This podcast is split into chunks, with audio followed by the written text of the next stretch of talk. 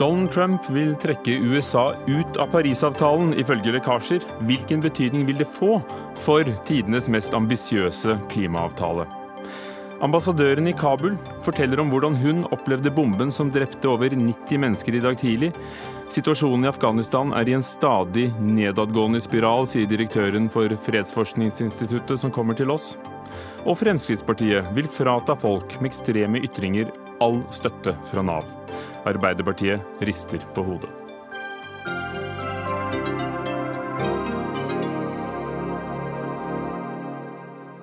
Og det er snart juni. Vi skal snakke iskrem senere i Dagsnytt 18. En økologisk iskremprodusent hevder han må til Nederland for å finne god nok melk. Tine sier vi kunne ha funnet melken du vil ha. Programleder i dag, Ugo Fermariello. Men vi begynner med siste nytt fra USA. Donald Trump vil trekke USA ut av Parisavtalen. Dette bekrefter flere kilder overfor amerikanske medier i løpet av dagen. Det begynte på nyhetsnettstedet Axios i Washington DC i dag tidlig. I Parisavtalen fra desember 2015 ble 195 land enige om å redusere sine klimagassutslipp for å holde den globale oppvarmingen til toppen to grader over nivået fra 1990.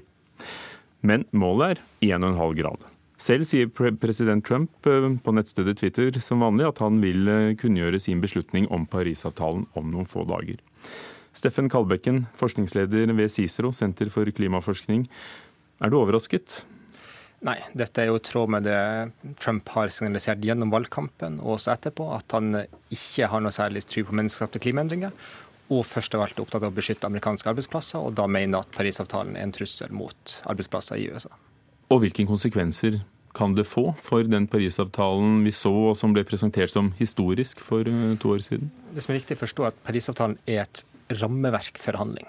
Den setter noen ambisiøse mål, men så den helt avhengig av at landene over tid øker innsatsen sin. Kutter utslippene mer, finansierer flere tiltak, tilpasser seg klimaendringer. Og det er denne opptrappinga som jeg mest har vært frykter for med Trumps beslutning. Jeg ser liten grunn til å frykte at det er mange flere land som trekker seg fra avtalen, men at de ikke lykkes med å trappe opp innsatsen over tid fordi det internasjonale samarbeidet, tilliten der blir betydelig svekka. Det er det jeg frykter mest for.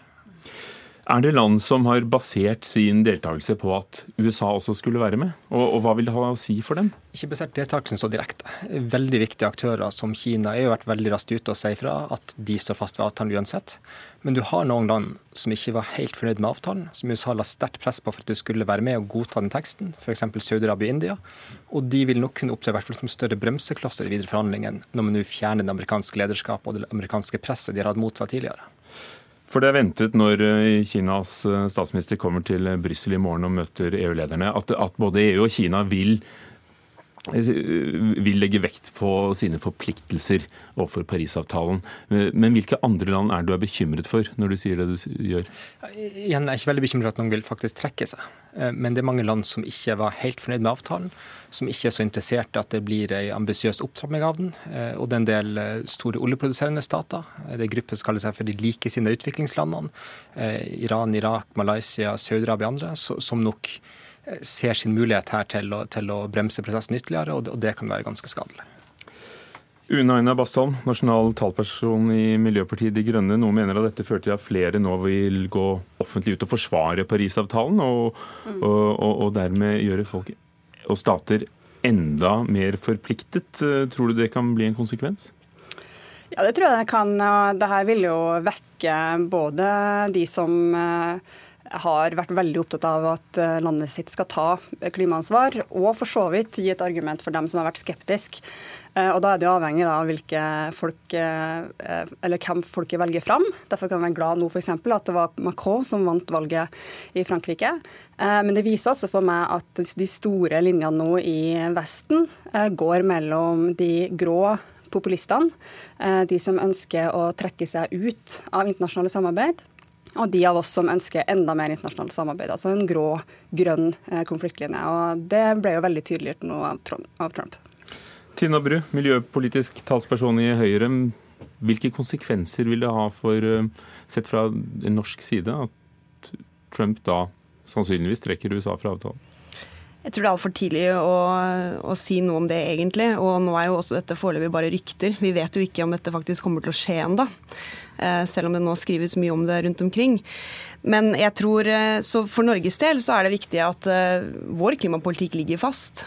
Våre klimamål og vår forpliktelse i Parisavtalen og det samarbeidet vi har med EU, det kommer til å ligge fast uansett.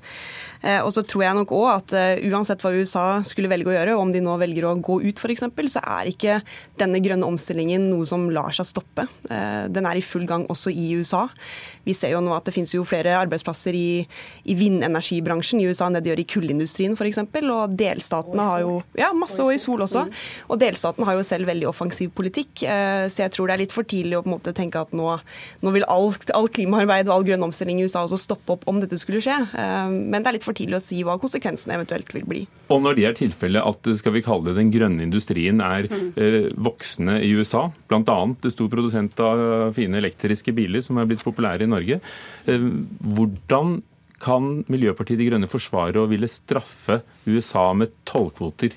Fordi det vil jo også ramme nettopp mm. den grønne industrien? Ja, det du er inne på der er jo et forslag som vi har vedtatt nå nylig i landsmøtet vårt. Eh, det innebærer jo at vi ønsker at den norske regjeringa jobber eh, internasjonalt, kanskje først og fremst i EU, som er en naturlig start for oss i og med at vi er med i et økonomisk samarbeid gjennom EØS, for at man har en form for klimatoll Eh, en sanksjonsordning retta mot stater som ikke overholder Parisavtalen, eller noe i verste fall som USA trekker seg fra den. Eh, og Det er et veldig naturlig neste steg eh, når verden står over, overfor så alvorlige, livstruende trusler mot enhver stat i verden, og også veldig mange nå er i gang med å ta ansvar sjøl. Da tror vi at det er realistisk også at statene vil ønske å sanksjonere dem som ikke gjør det. Hvordan tenker du det i praksis? Nei, Det vil jo være veldig avhengig av hva man klarer å få en, eh, en, avtale om. Og Det vi ser for oss, er nok en slags koalisjon av vilje. altså At man kunne ha blitt enig f.eks. i EU. Eh, kanskje fått med oss India og Kina, som nå har begynt å bli veldig spennende foregangsland på i hvert fall det å følge opp Parisavtalen. Det er en del som tyder nå på at både India og Kina kan komme til å oppfylle sine forpliktelser i Parisavtalen til og med før de er nødt til det. Eh, det gjør ikke Norge, for å si det sånn. Men hva eh, slags sanksjoner kunne dette endt med? tenker du? ja, Det kan være f.eks. en prosenttoll. Eh, den kan enten være flat, eller noe som kanskje er like sannsynlig hvis man tar hensyn til WTO-regelverk og sånn, en prosenttoll som er avhengig av klimaavtrykket av produktene. Og Da må man lage kategorier av produkter og, og, rett og slett en karbonavgift retta mot noen enkelte land. Tina Bru, ville sanksjoner på denne måten vært en vei å gå? Jeg synes det er litt morsomt, fordi at dette forslaget er jo egentlig litt sånn klassisk Trump-politikk. Altså Hvis det var én ting som Trump snakket om i valgkampen, så var det nettopp det å f.eks. legge straffetoll på, på, land som Kina, fordi at uh, han uh, syntes at det var urettferdig og uh, tar varmt til orde for mer proteksjonisme. Jeg mener jo det vi trenger internasjonalt nå, er mindre proteksjonisme og mer internasjonalt samarbeid. Men er det proteksjonisme når vi snakker om straffetoll? Som følger karbonavtrykket til ja, en vare. Ja, men for eksempel, da vil du si at eh, en Tesla da, som man importerer til Norge, for eksempel, ville fått en straffetoll på seg, og da mener jeg at det er det. Jeg syns ikke det her er et godt forslag i det hele tatt. og Det er litt sånn klassisk MDG òg. Man skal alltid straffe, man skal begynne der istedenfor å ha dialog. Og du kan jo tenke deg at Hvis det var sånn at land som var en del av Parisavtalen, automatisk da var nødt til å gå inn i en, nesten en handelskrig med USA pga. at det lå sanksjoner på denne måten, så tror jeg kanskje at det ville vært enda mer krevende og kanskje helt umulig å få til en internasjonal avtale avtale. Ja, det er veldig interessant at Tina Bru tror det handler om straff, og det er kanskje for at noen bruker ordet straffetoll. F.eks. Tina Bru sin egen partifelle Sarkozy, som, eh, som sjøl fremma straffetoll eh, i valgkampen i Frankrike, før han ikke vant fram der. Eh, poenget er ikke straff. Poenget er eh, når statsledere sjøl ikke tar ansvar for at staten og bedrifter i staten kutter utslipp. Da kan man bruke markedet og handel som et verktøy for å fremme miljøvennlig teknologi og gi det konkurransefortrinn på egne markeder. Så ved å legge på en, nei, en, en, en toll Eh, basert på klimaavtrykket til produkter, så vil man også kunne fremme eh, produktalternativer i f.eks. USA som satser på mer miljøvennlig teknologi. Og En Tesla-bil vil jo der komme bedre ut enn en fossilbil. Så er det kanskje også andre forskjeller på Sarkozys franske parti og norske Høyre? Det kan være Tina Bru, men ja. jo, det er det helt sikkert. Men jeg synes uansett, jeg skjønner ikke hvordan dette forslaget skal funke i praksis. Fordi Hvordan skal du skille på hva er karbonavtrykk? Si at du har en Tesla som får kraft fra, fra en kullfabrikk. Da. Hvordan skal det regnes? Sin, og vil du ikke risikere at miljøteknologi som det er bra å eksportere ut i verden, blir stoppet av et sånt type tiltak? Det er helt urealistisk. Det som er så synd her, er at hver gang man kommer med et nytt forslag på vår tids største utfordring, så reagerer Høyre rett etter å ha sagt at man ikke helt forstår og ikke helt har fått sett på det og ikke helt vet hvordan det skal foregå, at nei, det går ikke. Vi må jo se på nye løsninger. Vi står overfor en så stor utfordring lar, som rammer så mange stater. Vi lar den ligge for Steffen Kalbekken eh, fra Cicero. Eh, vi hører snakk om å, å trekke seg ut. Og, og det er altså foreløpig eh, kilder i Det hvite hus som sier til flere store medier i USA at USA kommer til å trekke seg ut, og at Trump har satt noen på saken og ser hvordan det skal skje. Og hvordan kan det skje? For det er jo flere måter de kan trekke seg fra samarbeidet på. Ja, det er riktig. Og det er betydelig forskjell på de alternativene han har. Igjen veldig mye ubekreftet her fortsatt. Men han har to hovedalternativ. Det ene er å trekke seg fra Parisavtalen alene. Det tar omtrent tre og et halvt år før det er gjennomført i praksis. Men han kan også velge å trekke USA fra hele klimakonvensjonen, og det tar dessverre bare ett år. Da er USA ute av Parisavtalen, men også alle andre klimaavtaler, og de sitter ikke lenger rundt forhandlingsbordet. Og på toppen av alt så vil det være veldig vanskelig for en ny president som måtte ønske det, å få USA inn igjen i klimasamarbeidet. Fordi da må de ratifisere eh, klimakonvensjonen i senatet i USA med to tredjedels flertall på nytt. Så velger han den veien å gå, så har han ikke bare ødelagt samarbeidet her og nå i dag, han har gjort det veldig mye vanskelig å få USA tilbake rundt bordet eh, mange år fram i tid. Unaina Bastholm, nå har jo Trump allerede angrepet uh, miljøstandarder og miljømyndigheter i uh, USA på den måten han kan føderalt. Uh, er det ikke like ærlig å, å, trekke seg fra det internasjonale? han hadde vel kanskje neppe lyktes i å leve opp til forpliktelsene? og ja, nei, Trump er allerede kjent for å være ærlig i sin uærlighet, eh, kan man kanskje si. sånn at det, det, her har heller ikke overraska meg.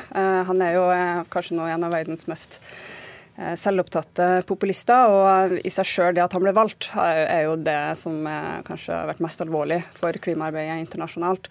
Men derfor har jeg litt lyst til å komme tilbake til den positive sida ved det. For jeg tror en del av oss som eh, er overbevist og har innsett eh, hvor viktig det er at vi nå gjør store klimatiltak i alle land som kan, vi blir jo enda mer engasjert og enda mer trigga til å stå på for det. Men Tina Bru viser at Parisavtalen er, er politisk skjør. Den er jo ikke juridisk bindende. og dette da mulig å gjøre for eh, en av de aller største økonomiene i verden? Men jeg tror det, altså det, viktige er at det var ekstremt krevende å få på plass en avtale som så mange land kunne være med på. Eh, og det er store fremskritt som har blitt gjort i den avtalen. Bl.a. det at man nå er nødt til å rapportere for eksempel, hvert femte år på hvordan man ligger an på å nå målene sine. Så jeg har ikke lyst til å på en måte nå si at hvis, hvis det ender sånn da, at USA strekker seg ut av avtalen, så har på en måte Parisavtalen ikke vært verdt noe. Jeg tror tvert om at verden nå drar i samme retning, stort sett. Og det er USA som risikerer å spille seg helt ut, på utsiden av alt. Og dette lar seg ikke stoppe. Men det er også verdt å merke seg, mener jeg, at det pågår også en stor intern kamp i USA. Og det er til og med de store, kul, store kullselskap og oljeselskap som, som oppmoder til at man skal stå på avtalen. Så dette er ikke, det er liksom ikke hele USA som ikke mener at dette er verdt å være med på lenger. Også. Altså. Og Den kampen handler bl.a. om klimaforskningen, finansieringen av den, og de eh, føderale miljøvernmyndighetene. Tore Furuvik, direktør ved Bjerknessenteret for eh, klimaforskning. Hvordan skal Donald Trump i sitt eget land kutte i klimaforskningen. Hvilke planer er det det ligger an til? Eh, ja, Stikk i strid med å gjøre USA stort igjen, så ser vi vel nå en president som gjør USA litt smålig. og Ikke minst gjelder det i klimapolitikk, og det gjelder også i klimaforskning. Og USA det er jo på mange måter verdens største forskningsnasjon, og de har klart å tiltrekke seg gode hoder fra hele verden, og gjerne spesielt fra Europa og fra Asia. Og Det vi nå har sett innenfor uh, ja, bare noen måneder etter Trump tiltrådte, er jo at det har vært store kutt i bevilgninger til bl.a. miljøforskning og til klimaforskning. Og um, Det er jo en, for så vidt en ting som er hva skal jeg si, det er veldig skadelidende for amerikansk forskning, men det er jo òg uh, ting her som er veldig skadelidende for internasjonal klimaforskning og klimaforskningssamarbeid. Ja, ja, hvordan merker dere som forsker i Norge det, f.eks.? Ja, så det, det, vi ser det er jo at blant annet så ser vi jo en større interesse for amerikanske forskere når det er stillinger utlyst. Og ikke minst så ser vi større interesse for uh, europeiske forskere som, som, er i USA, som ønsker seg tilbake til Europa. Men det vi òg merker for vår forskning, gjerne først og fremst, er jo det at når, altså vi er veldig stor grad avhengig av data fra amerikanske observasjonssystem. Det gjelder både satellittdata og det gjelder store måleprogram i havet. Og det er klart, For en kutt i budsjettene og en får, eh, får, mindre data om klimautviklingen, så er jo det skadelidende for den internasjonale klimaforskningen òg. Hvor langt fremme, hvor betydningsfulle er disse forskningsmiljøene i USA? Emmanuel Macron har allerede vært ute på en video og ønsket eh, klimaforskere velkommen til Frankrike. Kan dette kompenseres eh, faglig sett ved at andre land tar grep? Ja, En del kan nok kompenseres. Som jeg sa, så, altså USA har jo vært en magnet, eller trekkplaster for, eh, for hele det internasjonale forskningsmiljøet. Og de har mange av verdens aller beste forskningsinstitusjoner og forskere. Og det er klart at Dersom eh, det blir en flukt av eh, gode hjerner fra USA og, og, tilbake til Europa eller tilbake til Asia, så er det klart at en del av reduksjonen i USA kan da kompenseres med en økt forskningsinnsats i, i eh, resten av verden. Hvilke, hvilke måter er det vi, er inne på hvordan USA kan trekke seg ut på forskjellige måter og i forskjellig grad. Hva, hva frykter du mest? Eh, hvis du tenker på Parisavtalen, så det jeg frykter mest, er jo først og fremst at andre land vil følge med. Men jeg tror risikoen er liten. Og som flere var inne på tidligere i, programmet her, så er, det, så er det klart at det grønne skiftet og det lokomotivet som nå skjer eh, på teknologisida og, og prissida, det, det, går så fort nå at jeg tror ikke det er så veldig skadelig for uh, utslippene som sådan.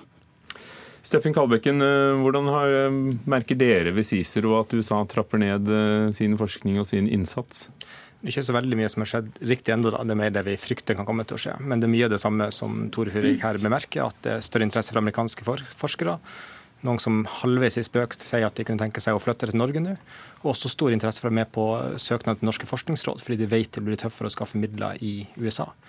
Et aspekt det kanskje er verdt å legge til, er at USA er jo den klart største finansiøren av arbeidet i FNs klimapanel. Så skulle du trekke det, så ville det skape store problemer. Og Da er det veldig fint om eh, norske politikere kjenner sin besøkelsestid og sikrer at det arbeidet blir videre fullt finansiert.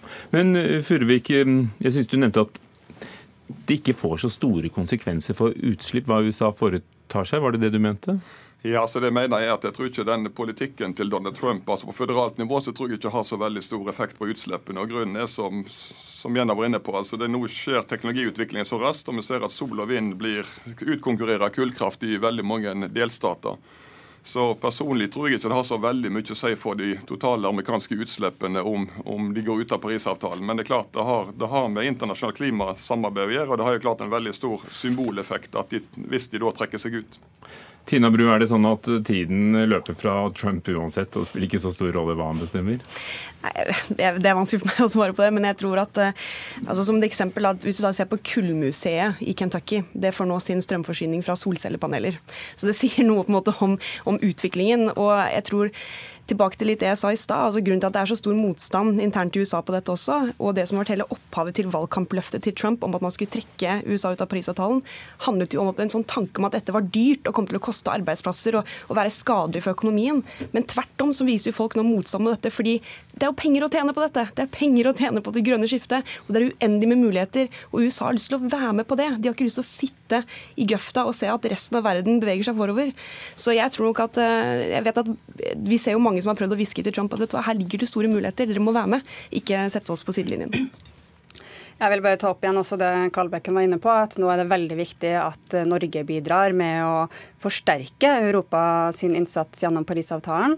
Eh, og ikke minst, da vil jo det være avhengig, altså Norges innsats vil være avhengig av hvem velgerne stemmer på til høsten. Og det vil være en Og da mener sikkert du Una Aina Bastholm, at det skal være Miljøpartiet De Grønne? Om vi sitter i regjering, så får du en sterkere innsats fra Norge, ja. Og du mener at det skal være Høyre, da, Tina Bru? Selvfølgelig mener jeg det. Miljøpolitisk talsperson. Ja, og denne regjeringen er jo også regjeringen som har eh, vært med og forhandlet frem Parisavtalen, og vi pushet på for at den skulle bli takk enda bedre. Takk til dere. Og takk også til Steffen Kalbekken fra Cicero og Tore Furuvik fra Bjerknessenteret for klimaforskning. Dagsnytt 18 alle hverdager kl 18.00 på NRK P2 og NRK2. Regjeringen har allerede foreslått og sendt på høring et forslag om å frata borgere statsborgerskapet hvis de kan betegnes som en trussel mot riket, mot Norge. Nå vil Frp på Stortinget gå enda lenger og stanse alle velferdsytelser til dem som deltar i trening, har kontakt med eller viser skriftlig, muntlig eller økonomisk støtte til et terrornettverk. Dette skriver Dagbladet om i dag. Helge André Njåstad fra Fremskrittspartiet på Stortinget. Dere har jo allerede forslag inne fra dere, dere, selv i regjering om å kunne frata statsborgerskapet. Eh, hvorfor kommer dette nå? For dette er jo på, skal vi kalle det en utvidelse av det samme? Det handler jo om at vi hele tida må jobbe for å, å, bekjempe terrorisme. Eh, det er en av de viktigste utfordringene vi har i dette samfunnet, å beskytte våre barn. Eh, det vi så skjedde i Manchester var jo grusomt, der barn var mål. Og Da sier det seg nesten selv at vi må gjøre det som står i vår makt på å, å trygge og beskytte befolkningen. Eh, og da kan vi, I tillegg til å ta stilling til gode forslag for regjeringen, så må vi på Stortinget være vårt ansvar bevisst med å komme med forslag, sånn at vi sender ut et tydelig signal om at eh, det er ingen menneskerett å være terrorist. Eh, og man skal i alle fall ikke være der med ytelser fra det offentlige Norge. Og, og da mener vi er en riktig debatt å nå ta. At vi skal ha tidlig innsats òg i forhold til terrorisme. Vi har jo tidlig innsats i skolen. Vi må ha tidlig innsats og stoppe de før de tar første steg. Eh, men, men hvordan, hvor skal denne grensen gå? Fordi uh, Så vidt vi leser deg i Dagbladet, så mener du at dette skal være en avgjørelse i forvaltningen. Uh, så hvor skal grensen gå, og, og hva skal en Nav-ansatt se etter? Nei, det er jo politiet som må se etter når man går over grensa. Eh, poenget er at man må ha tidlig innsats. Eh, I dag er det sånn at eh, man, hvis man er fremmedkriger og reiser ned og trener og er aktiv, så har man sterke sanksjoner. Vi har lyst til å ha tidlig innsats nettopp for å, å hindre at folk tar det første steget. Det må jo være mye bedre å være tidlig ute og hindre folk i å bli med i disse nettverkene og sympatisere med dem. Jo, jo, men hvordan skal denne sympatien leses? Hvor, hvor ser du den? Hvor Nei, det Klart må det være? Det er jo det man har sagt i Dagbladet, at eh, det er alle former for aktivitet. Både økonomisk, at man eh, bidrar at man engasjerer seg. Det er ikke snakk om at man bare skriver noe på Facebook, så skal man på en måte miste trygda. Eh, men hvis man på en måte bidrar i terrororganisasjoner og sympatiserer med dem, så må man ha tidlig innsats for å stoppe dem, sånn at ikke de går over den streken. Vi ønsker ikke at det skal bli sånn som i Manchester, at noen som er i Norge, bidrar til å, å trene seg opp og komme tilbake og ramme våre barn. Det er det vi ønsker å unngå. Det er derfor vi tar denne debatten. Dette handler ikke om å, eh, om å skåre billige poeng, dette handler om å trygge innbyggerne. og Derfor hadde vi forventa at, eh, at, andre partier òg eh, er med å diskutere alvorligheten av at, at vi står i en terrorsituasjon som, som ingen liker. Stein Erik Lauvås fra Arbeiderpartiet og innvandringspolitisk talsmann, hva tenker du om forslaget? Nei, jeg tenker at Det er selvfølgelig viktig å, å, å bekjempe terror. Bekjempe all form for ekstremisme. Det må vi ha gode systemer for. Det må vi være oppmerksomme på. Men dette er jo et, eh, et, valgkamputspill fra Fremskrittspartiet, og som på en måte virker lite troverdig. Jeg registrerer nå eh, at Njåstad legger seg på en litt annen retorikk enn det han serverte i Dagbladet med å, å frata trygdeytelser og, og, en del sånne ting. Han, han, har, han, har, slappet av noe, og det kanskje kommer av at ja, han, han, får jo ikke støtte ifra, han får jo ikke støtte ifra, ifra noen kant. Altså, Høyre, høyre, har du moderert det? Høyre, Høyre, han har gjort det. Nei, Høyre, har skutt, Høyre har skutt dette forslaget ned Løvaas helt rett. Lest Dagbladet i dag. Men det, det, han bare ser et Frp-forslag, og så er han autopilot. Nei, nei, nei, jeg har lest Dagbladet. Men det som, det ja, som, sa, det som er forunderlig, er at sånn Fremskrittspartiet tar ikke inn over seg på noen måte at de sitter faktisk i regjering. Og dette viser nok et eksempel på at vi har ikke ett Fremskrittsparti i dette landet lenger. Nå har vi altså to, eller kanskje til og med tre. Man skulle jo anta man skulle jo anta at når Fremskrittspartiet sitter i regjering, så ville Fremskrittspartiet fremme de sakene Fremskrittspartiet var for. Men når det kommer til regjeringen, der er det stille om dette. Er det derfor du kaller det valgkamputspill? Ja, men selvfølgelig er det det. Nå forbereder de jo valgkampen.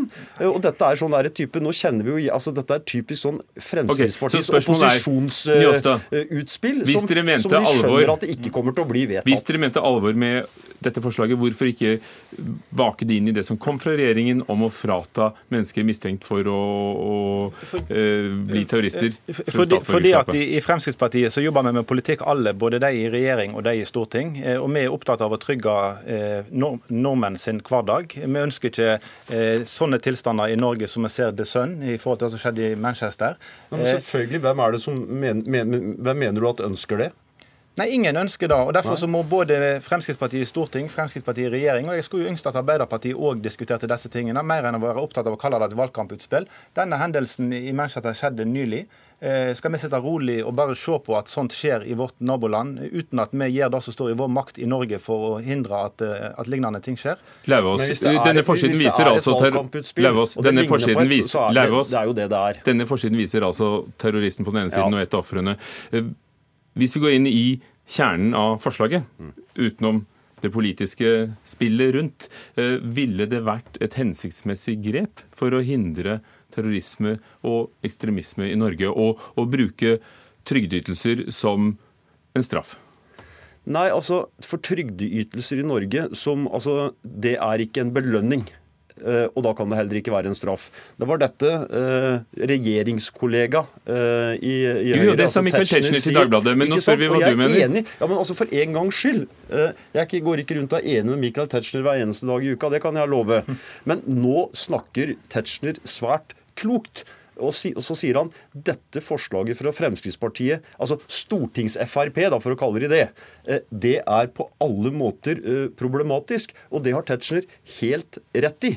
Og det burde være slik at det skulle være noe sammenheng mellom hva et Fremskrittsparti i regjering sitter og foreslår og mener, og hva et Fremskrittsparti på Stortinget skal sitte og mene. Men den, den, den styringsorden den har vi ikke. Og jeg syns egentlig at det er eh, snodig at man får lov å holde på å styre landet på en slik uryddig måte. Det må jeg virkelig si. Det er altså den politiske siden av saken, men Njåstad, til ditt uh, forslag som du, du fremmer her, det Høyre også var inne på, er jo at hvis dette er en straff, så rammer det jo veldig tilfeldig. For det er jo helt ulikt hvilke typer ytelser eh, folk får fra Nav. Jo, men Det er ikke kun dette vi skal gjøre. Men det det handler om, er tidlig innsats. og sende ut et Jo, det skjønner vi, men det ville jo være, ville det ikke vært en straff som rammer veldig tilfeldig? Jo, men det skulle bare mangle at ikke man straffer de som går over streken i forhold til terrorisme som er, er, er, så skadelig for samfunnet og som vi ikke ønsker. Det skulle jo bare mangle at vi, vi må ikke beskytte dem. Eh, det er jo innbyggerne våre vi må beskytte. men hvis det er en straff? Så ilegges den vanligvis av domstolene. og Her skulle det vært en forvaltningsavgjørelse?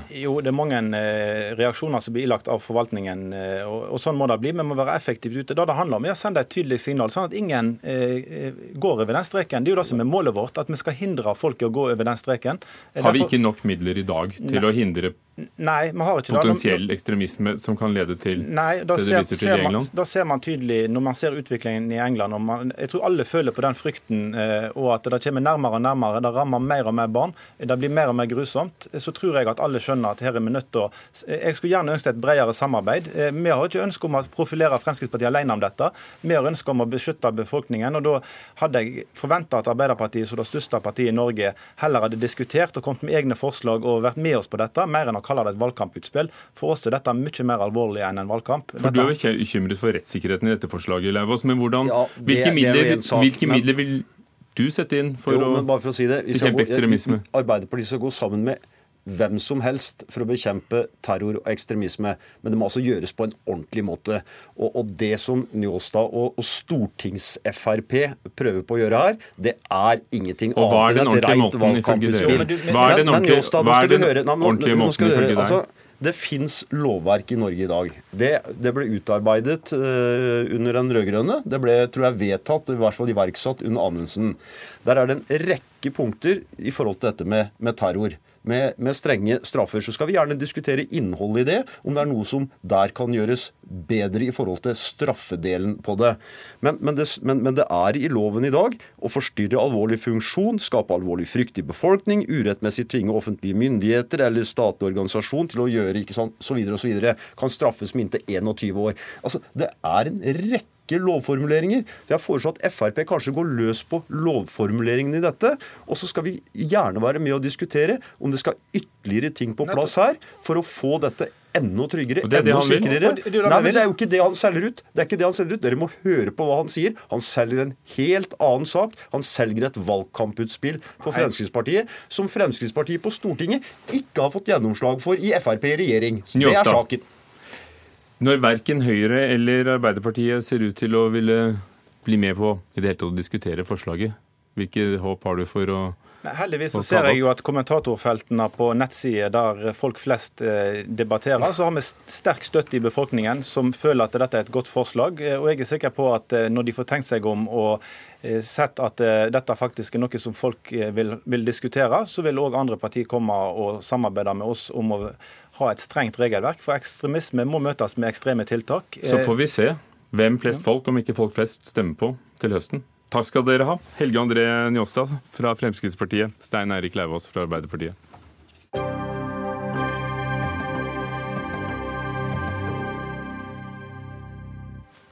Minst 90 mennesker er drept og over 400 skadet i selvmordsbomben som rystet eh, Kabuls ambassadestrøk i Afghanistan i rushtiden i dag tidlig.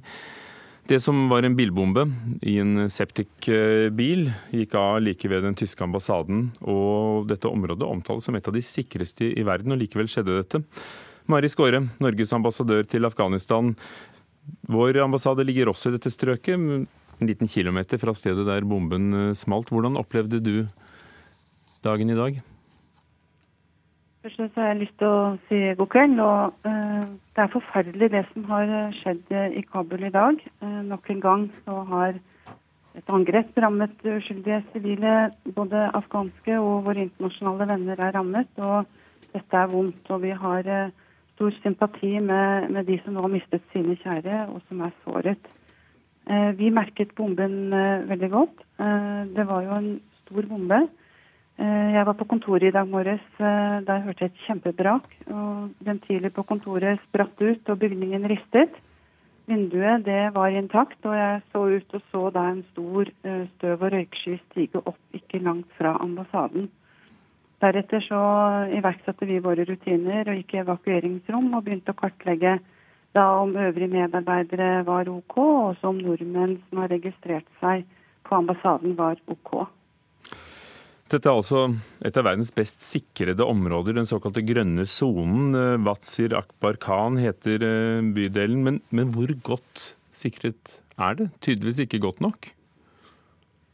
Jeg tror eh, ikke det er noe sted i verden som kan være 100 sikret mot terroranslag og angrep av denne type. Eh, det er riktig at eh, vi er inne i et område hvor det er iverksatt ekstra sikringstiltak.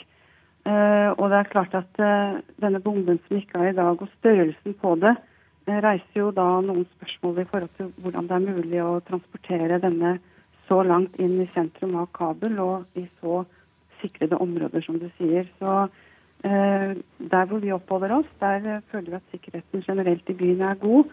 Men denne episoden her, selvfølgelig, da er det behov for å etterse byens sikkerhetsrutiner. Mm. Christian Berg Harpviken, direktør ved Fredsforskningsinstituttet. PRIO, Taliban, har eh, tidligere i år varslet en våroffensiv mot utenlandske mål i Afghanistan. Og Likevel så nekter organisasjonen for at det er de som står bak det som skjedde i dag. Tror du dem?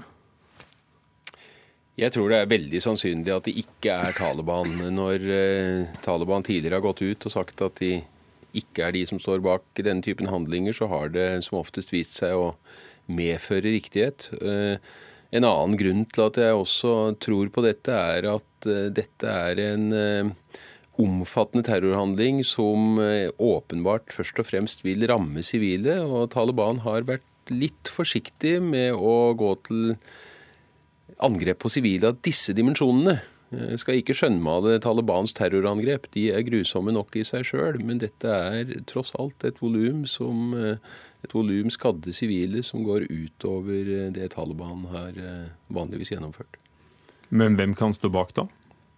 Det er klart at jeg Peker pilen bort fra Taliban i en afghansk sammenheng, så peker den veldig fort på den islamske staten.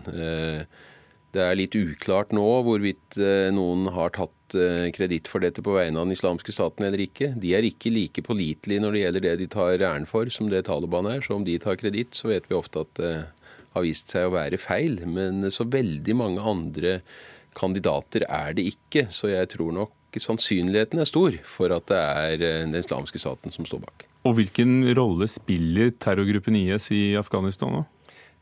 Egentlig er dette en ganske marginal aktør, som har først og fremst sitt tilhold i Nangrahar-provinsen, som ligger sør-øst for Kabul, på veien til eh, Peshawar i Pakistan.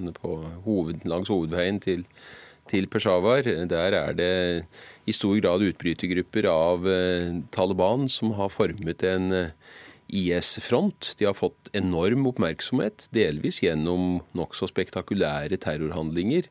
Eh, men delvis også fordi at eh, de spilles opp av eh, alle aktører. Oppmerksomheten nå er jo stor på IS, spesielt på IS i Syria og Irak. Og skal Afghanistan få noe oppmerksomhet, både i Washington og andre steder, så er det mange, f.eks. i afghansk regjeringsposisjon eller i andre posisjoner rundt om i vestlig allierte land, som ser det som hensiktsmessig å legge vekt på IS sitt nærvær. Og så er det det spørsmålet som kommer opp, særlig i forbindelse med diskusjoner rundt uh, returer av uh, flyktninger fra Norge, Tyskland og andre land. Er det trygt i Afghanistan? Hva er ditt svar, Kristian Berg Harpviken? Svaret på det er jo åpenbart uh, nei, selvfølgelig. Det er jo ingen som kan si med hånden på hjertet at det er trygt i Afghanistan. Nå har jo Tyskland allerede vært ute og i hvert fall tatt en frys på retur av flyktninger. Det er ikke noe som tyder på at Norge kommer til å gjøre det samme. Eh, så spørsmålet er vel ikke om det er trygt, spørsmålet er vel om det er eh, trygt nok. Og jeg tror veldig mange afghanere vil si at de opplever at det er eh, svært lite trygt. Men nå er det ikke bare dagens utfordrende sikkerhetssituasjon mange afghanere flykter fra. De flykter fra en framtid som de har liten tro på. I 2014, Mariskåre, vår ambassadør i Afghanistan, så avsluttet altså Nato sine kampoperasjoner sikkerhetsansvaret blir overlatt til landets regjeringsstyrker. Hva har det gjort med eh, sikkerhetssituasjonen i, i landet siden 2014? Eh, det er jo helt klart at sikkerhetssituasjonen er fortsatt svært, svært utfordrende eh, i Afghanistan. Men jeg vil understreke det at den endringen som ble gjort i 2014 også innebar at Afghanistan tar ledelse for sin egen sikkerhet. Og det er jo slik at enhver regjering må ta ansvar for sikkerheten til sine borgere. Vi erkjenner selvfølgelig at vi trenger å stå ved afghanske regjeringen og støtte de i utviklingen og styrking av sin sikkerhetssektor. og Det gjør jo det internasjonale samfunnet fortsatt, også norske militære som gjør en utmerket jobb med å mentorere krisepolitiet i Afghanistan. Men situasjonen er fortsatt utfordrende, ingen tvil om det. Det er altså fortsatt 8400 amerikanske soldater i landet, 5000 fra andre land. I fjor kom en rapport om Norges militære og sivile innsats eh, i landet, som du eh, Harpviken, var med på å skrive. Konklusjonen var etter mange års internasjonal innsats er situasjonen i Afghanistan nedslående. Har det vært helt mislykket? Eh, mye har vært mislykket, og en god del har vært Eh, vellykket. Men det overordna bildet er jo et Afghanistan som har eh, enormt store problemer. og Det gjelder jo ikke bare på sikkerhetssektoren, det gjelder jo også politisk og økonomisk. og Flere konsekvenser av uttrekningen i 2014 var jo fundamentalt undervurdert i forkant. Ikke minst gjelder det det økonomiske, hvor den økonomien som oppsto i periferien av dette voldsomme internasjonale nærværet jo var så stor. Det var så mange som brødfødde sine familier på inntekter fra å være vaktmester eller sikkerhetsvakt for de internasjonale, at eh, når det falt bort, så ble det i seg sjøl eh, starten på en ganske kraftig resesjon, som også da bidrar selvfølgelig til eh, migrasjon og bidrar til mange andre problemer. Ser du noen lyspunkter? Jeg har jo jobba med Afghanistan 25 år, og jeg vil aldri gi opp Afghanistan. Men jeg sliter veldig med å se den faktoren som får meg til å tro at dette skal bevege seg i positiv retning eh, på kort sikt. Og Mari Skåre, du, du jobber der hver dag. Er det noe som gjør at du øyner håp? Ja, det er i grunnen det. Eh, det er jo slik at eh, Afghanistans viktigste ressurs er det afghanske folket. Eh, og i mitt virke så treffer jeg jo afghanere eh, som står opp, eh, er hel ved og slåss for en bedre framtid for landet sitt. Så det er jo grunnen det som gir oss håp. Og jeg vil jo si også at er noe som har utviklet seg i positiv retning, så er det holdninger og persepsjoner om kvinners stilling i samfunnet. Det er en politisk regjering som i dag står for en politikk som styrker kvinners posisjon, som ønsker at kvinner skal delta i alle deler av samfunnslivet. Og vi vet jo fra vårt eget samfunn hvor utrolig viktig det er for samfunnets utvikling, altså økonomisk, eh, også i forhold til stabilitet og fred. Så det er i grunnen eh, arbeidet for å styrke kvinners stilling som kanskje gir meg størst håp om Afghanistans framtid. Takk skal du ha, Mari Skåre, vår ambassadør til Afghanistan, og Christian Berg Harpviken, direktør ved Fredsforskningsinstituttet.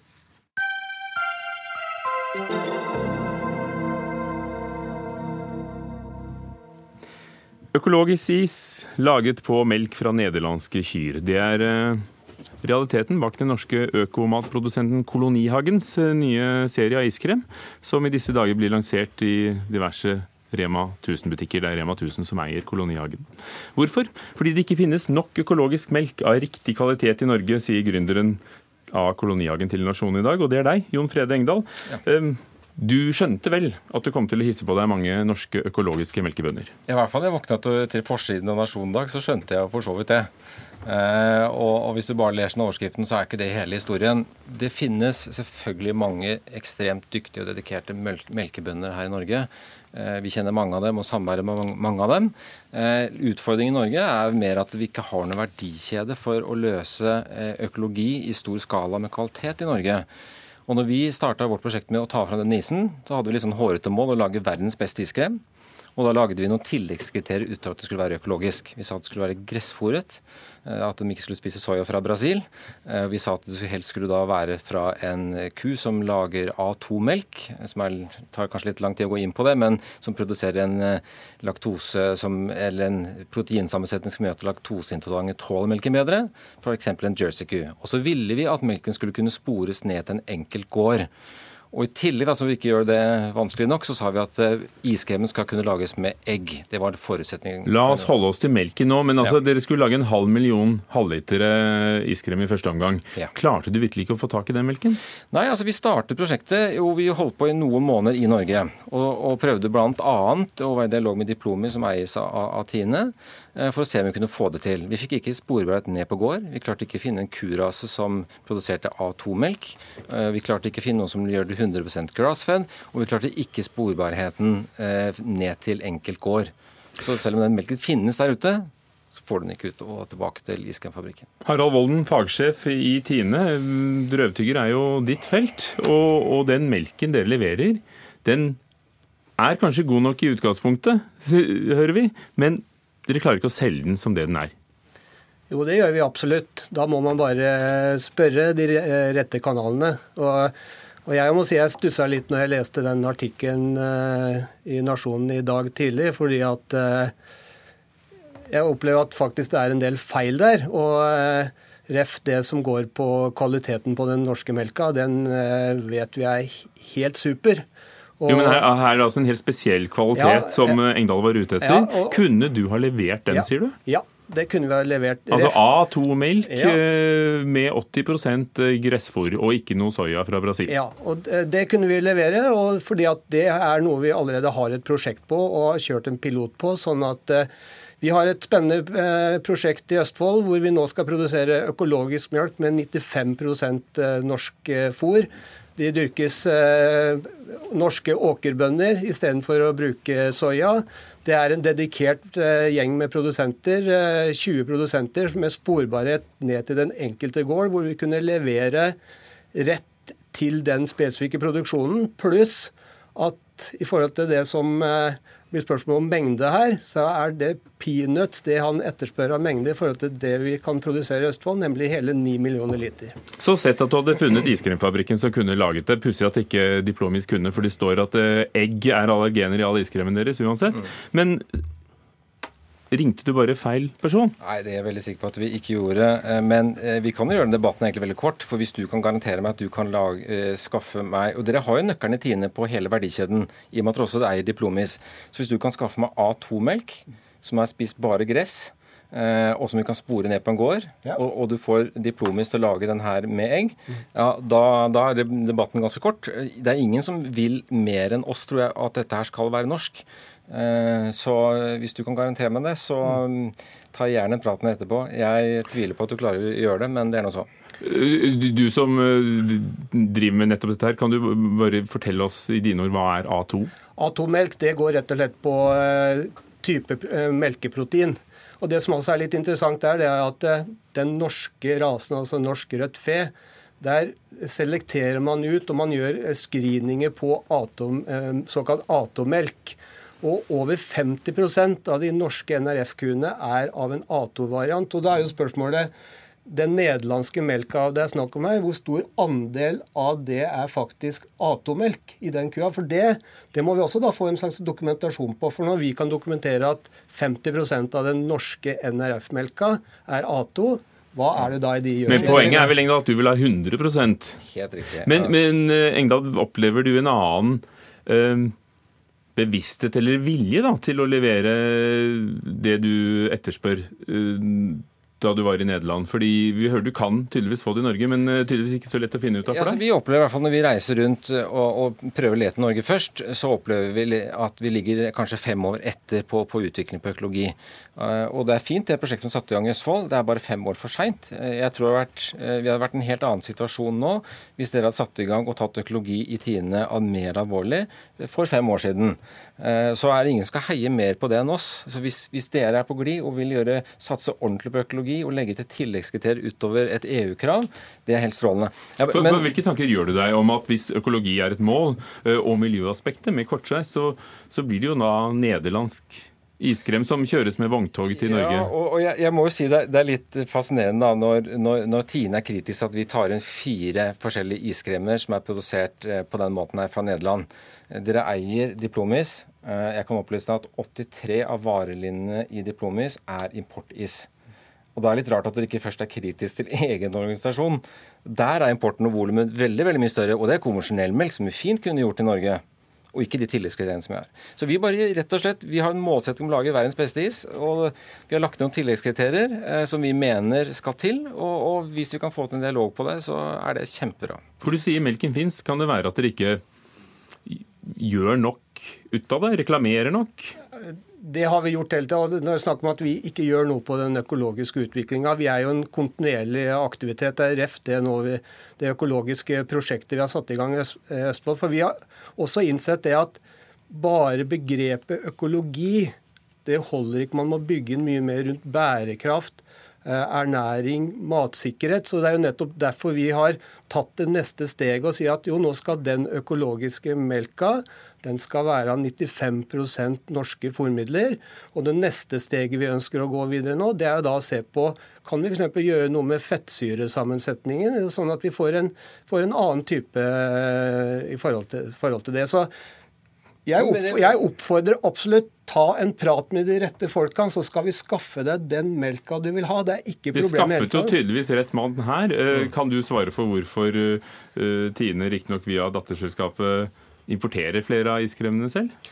Det er, ikke, det er ikke mitt bord, det er, innenfor, det er ute. Jeg eh, er, eh, jobber mot primærsida, det får eh, andre svare på. For deg, Engdahl, blir økologisk iskrem bedre, eller bare på en eller annen måte Ja, altså, det er jo selvfølgelig, når jeg sier at vi, vi har hårete mål å lage verdens beste iskrem, så får det være en annen jury der ute som vurderer det. Men vår klare mening er at når vi har funnet den melkeprodusenten her, som lager en rikere og fetere melk, så blir det et annet og bedre produkt. Og vi prøvde som sagt først med norsk standard økomelk, som er en bulkvare som går inn i en felles leveranse. Så opplever vi at det blir et rikere og bedre produkt. Men får vi til norsk, så er det enda bedre. Vi kan bare legge til enda et plusskriterium på, på iskremen. For det går ikke i bulk. Og, og når du sier at du skal lage verdens beste iskrem, så skal vi hjelpe deg med faktisk å skaffe verdens beste råvare. Det er helt supert. Og da, hvis du i tillegg sørger for at Diplomis ikke importerer eh, på, til seg, og Da burde vi kanskje ha bedt. Diplomis være her, her, men det er det ikke i dag. Takk skal dere ha. Harald Walden, fagsjef i Tine, og Jon Frede Engdahl, gründer av Kolonihagen. Hør Dagsnytt 18 når du vil. Radio NRK Radio.nrk.no.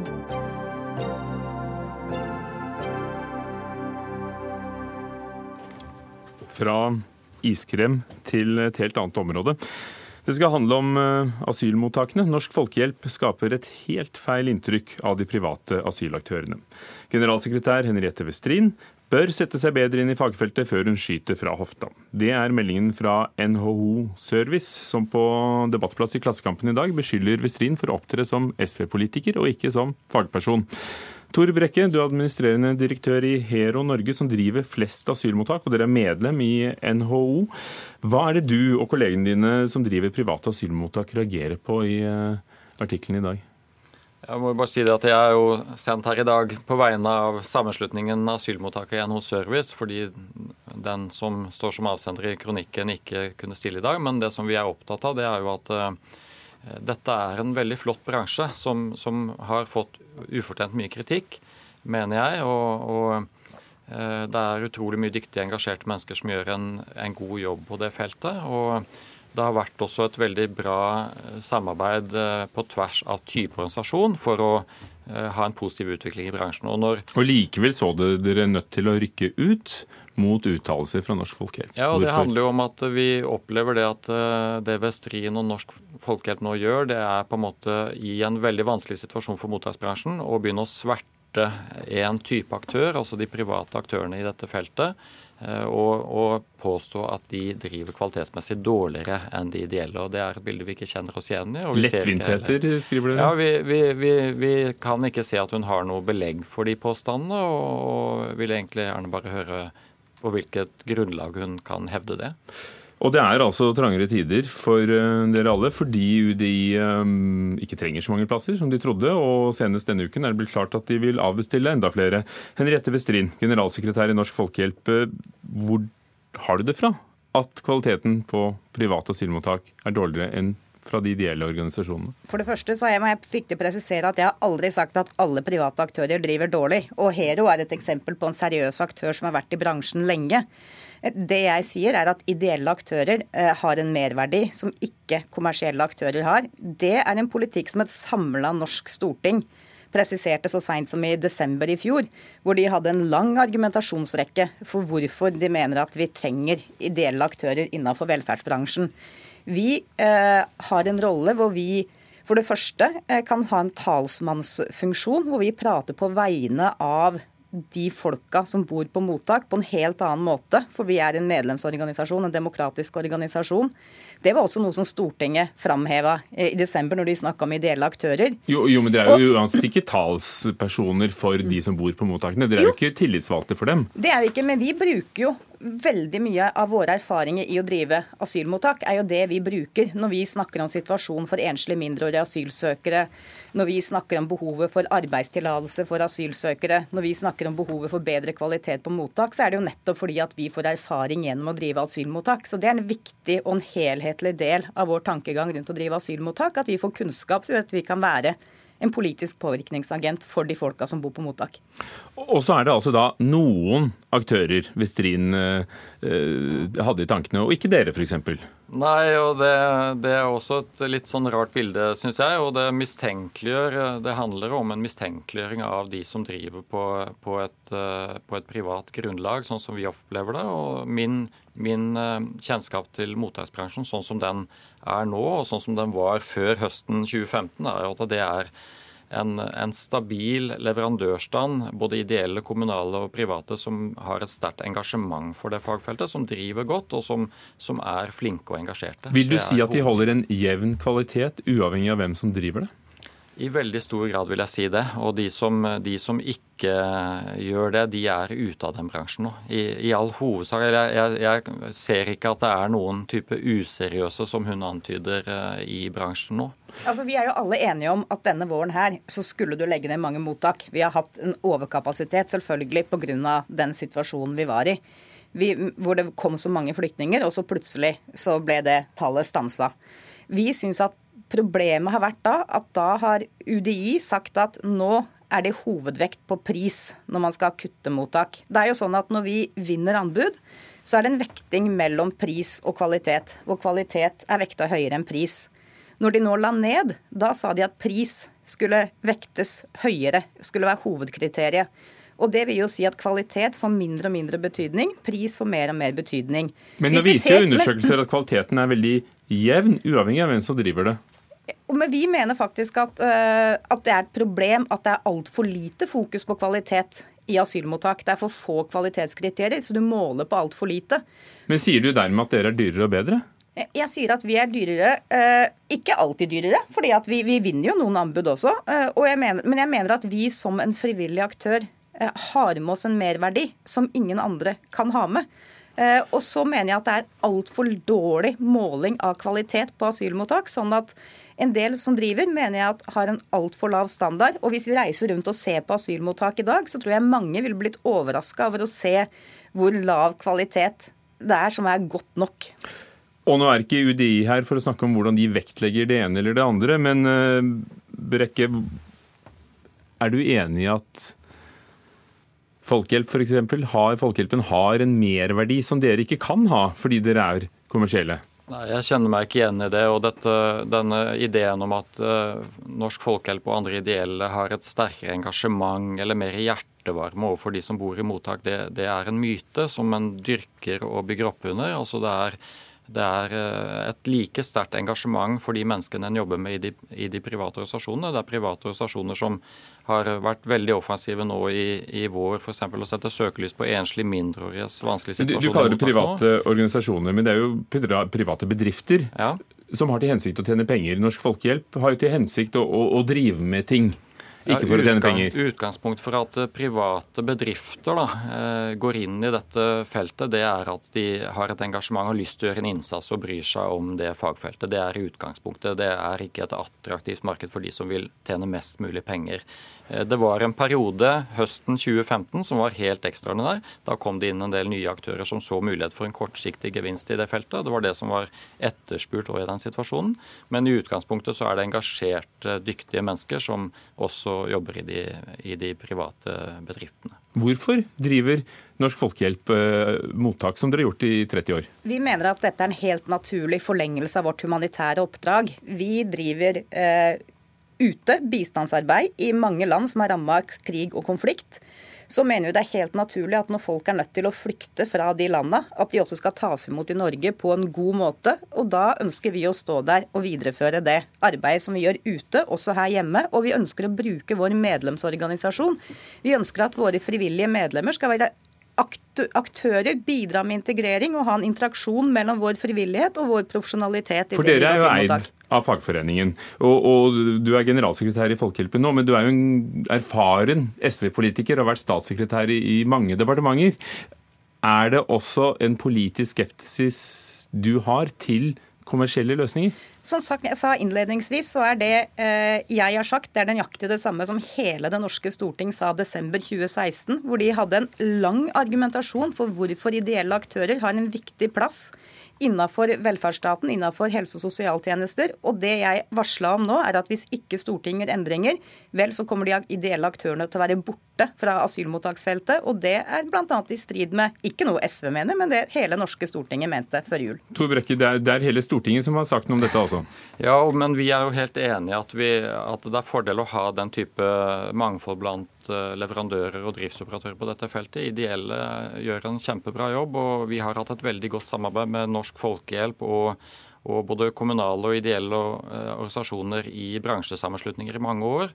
Og, og, og Det som jeg syns er synd, er jo at eh, det virker som Vestrid nå på en måte legger seg på en litt annen linje, hvor hun begynner å angripe de andre aktørene, istedenfor å videreføre det gode arbeidet for å videreutvikle en kvalitet og verdig forhold i bransjen. Det virker jo som de først og fremst fremhever sine egne fortrinn. Det, det, det hvordan, hvordan mener du at kriteriene er for hvilke plasser som skal nedlegges? Er det riktig vektet pris og kvalitet? Det, det som er, det som er uriktig i påstandene som kommer, er jo at eh, UDI har hatt en endring i praksis når det gjelder tildeling av kontrakter. De har vært flinke konsekvent og vektlegger kvalitet mer enn pris, sånn som Westrin sier nå.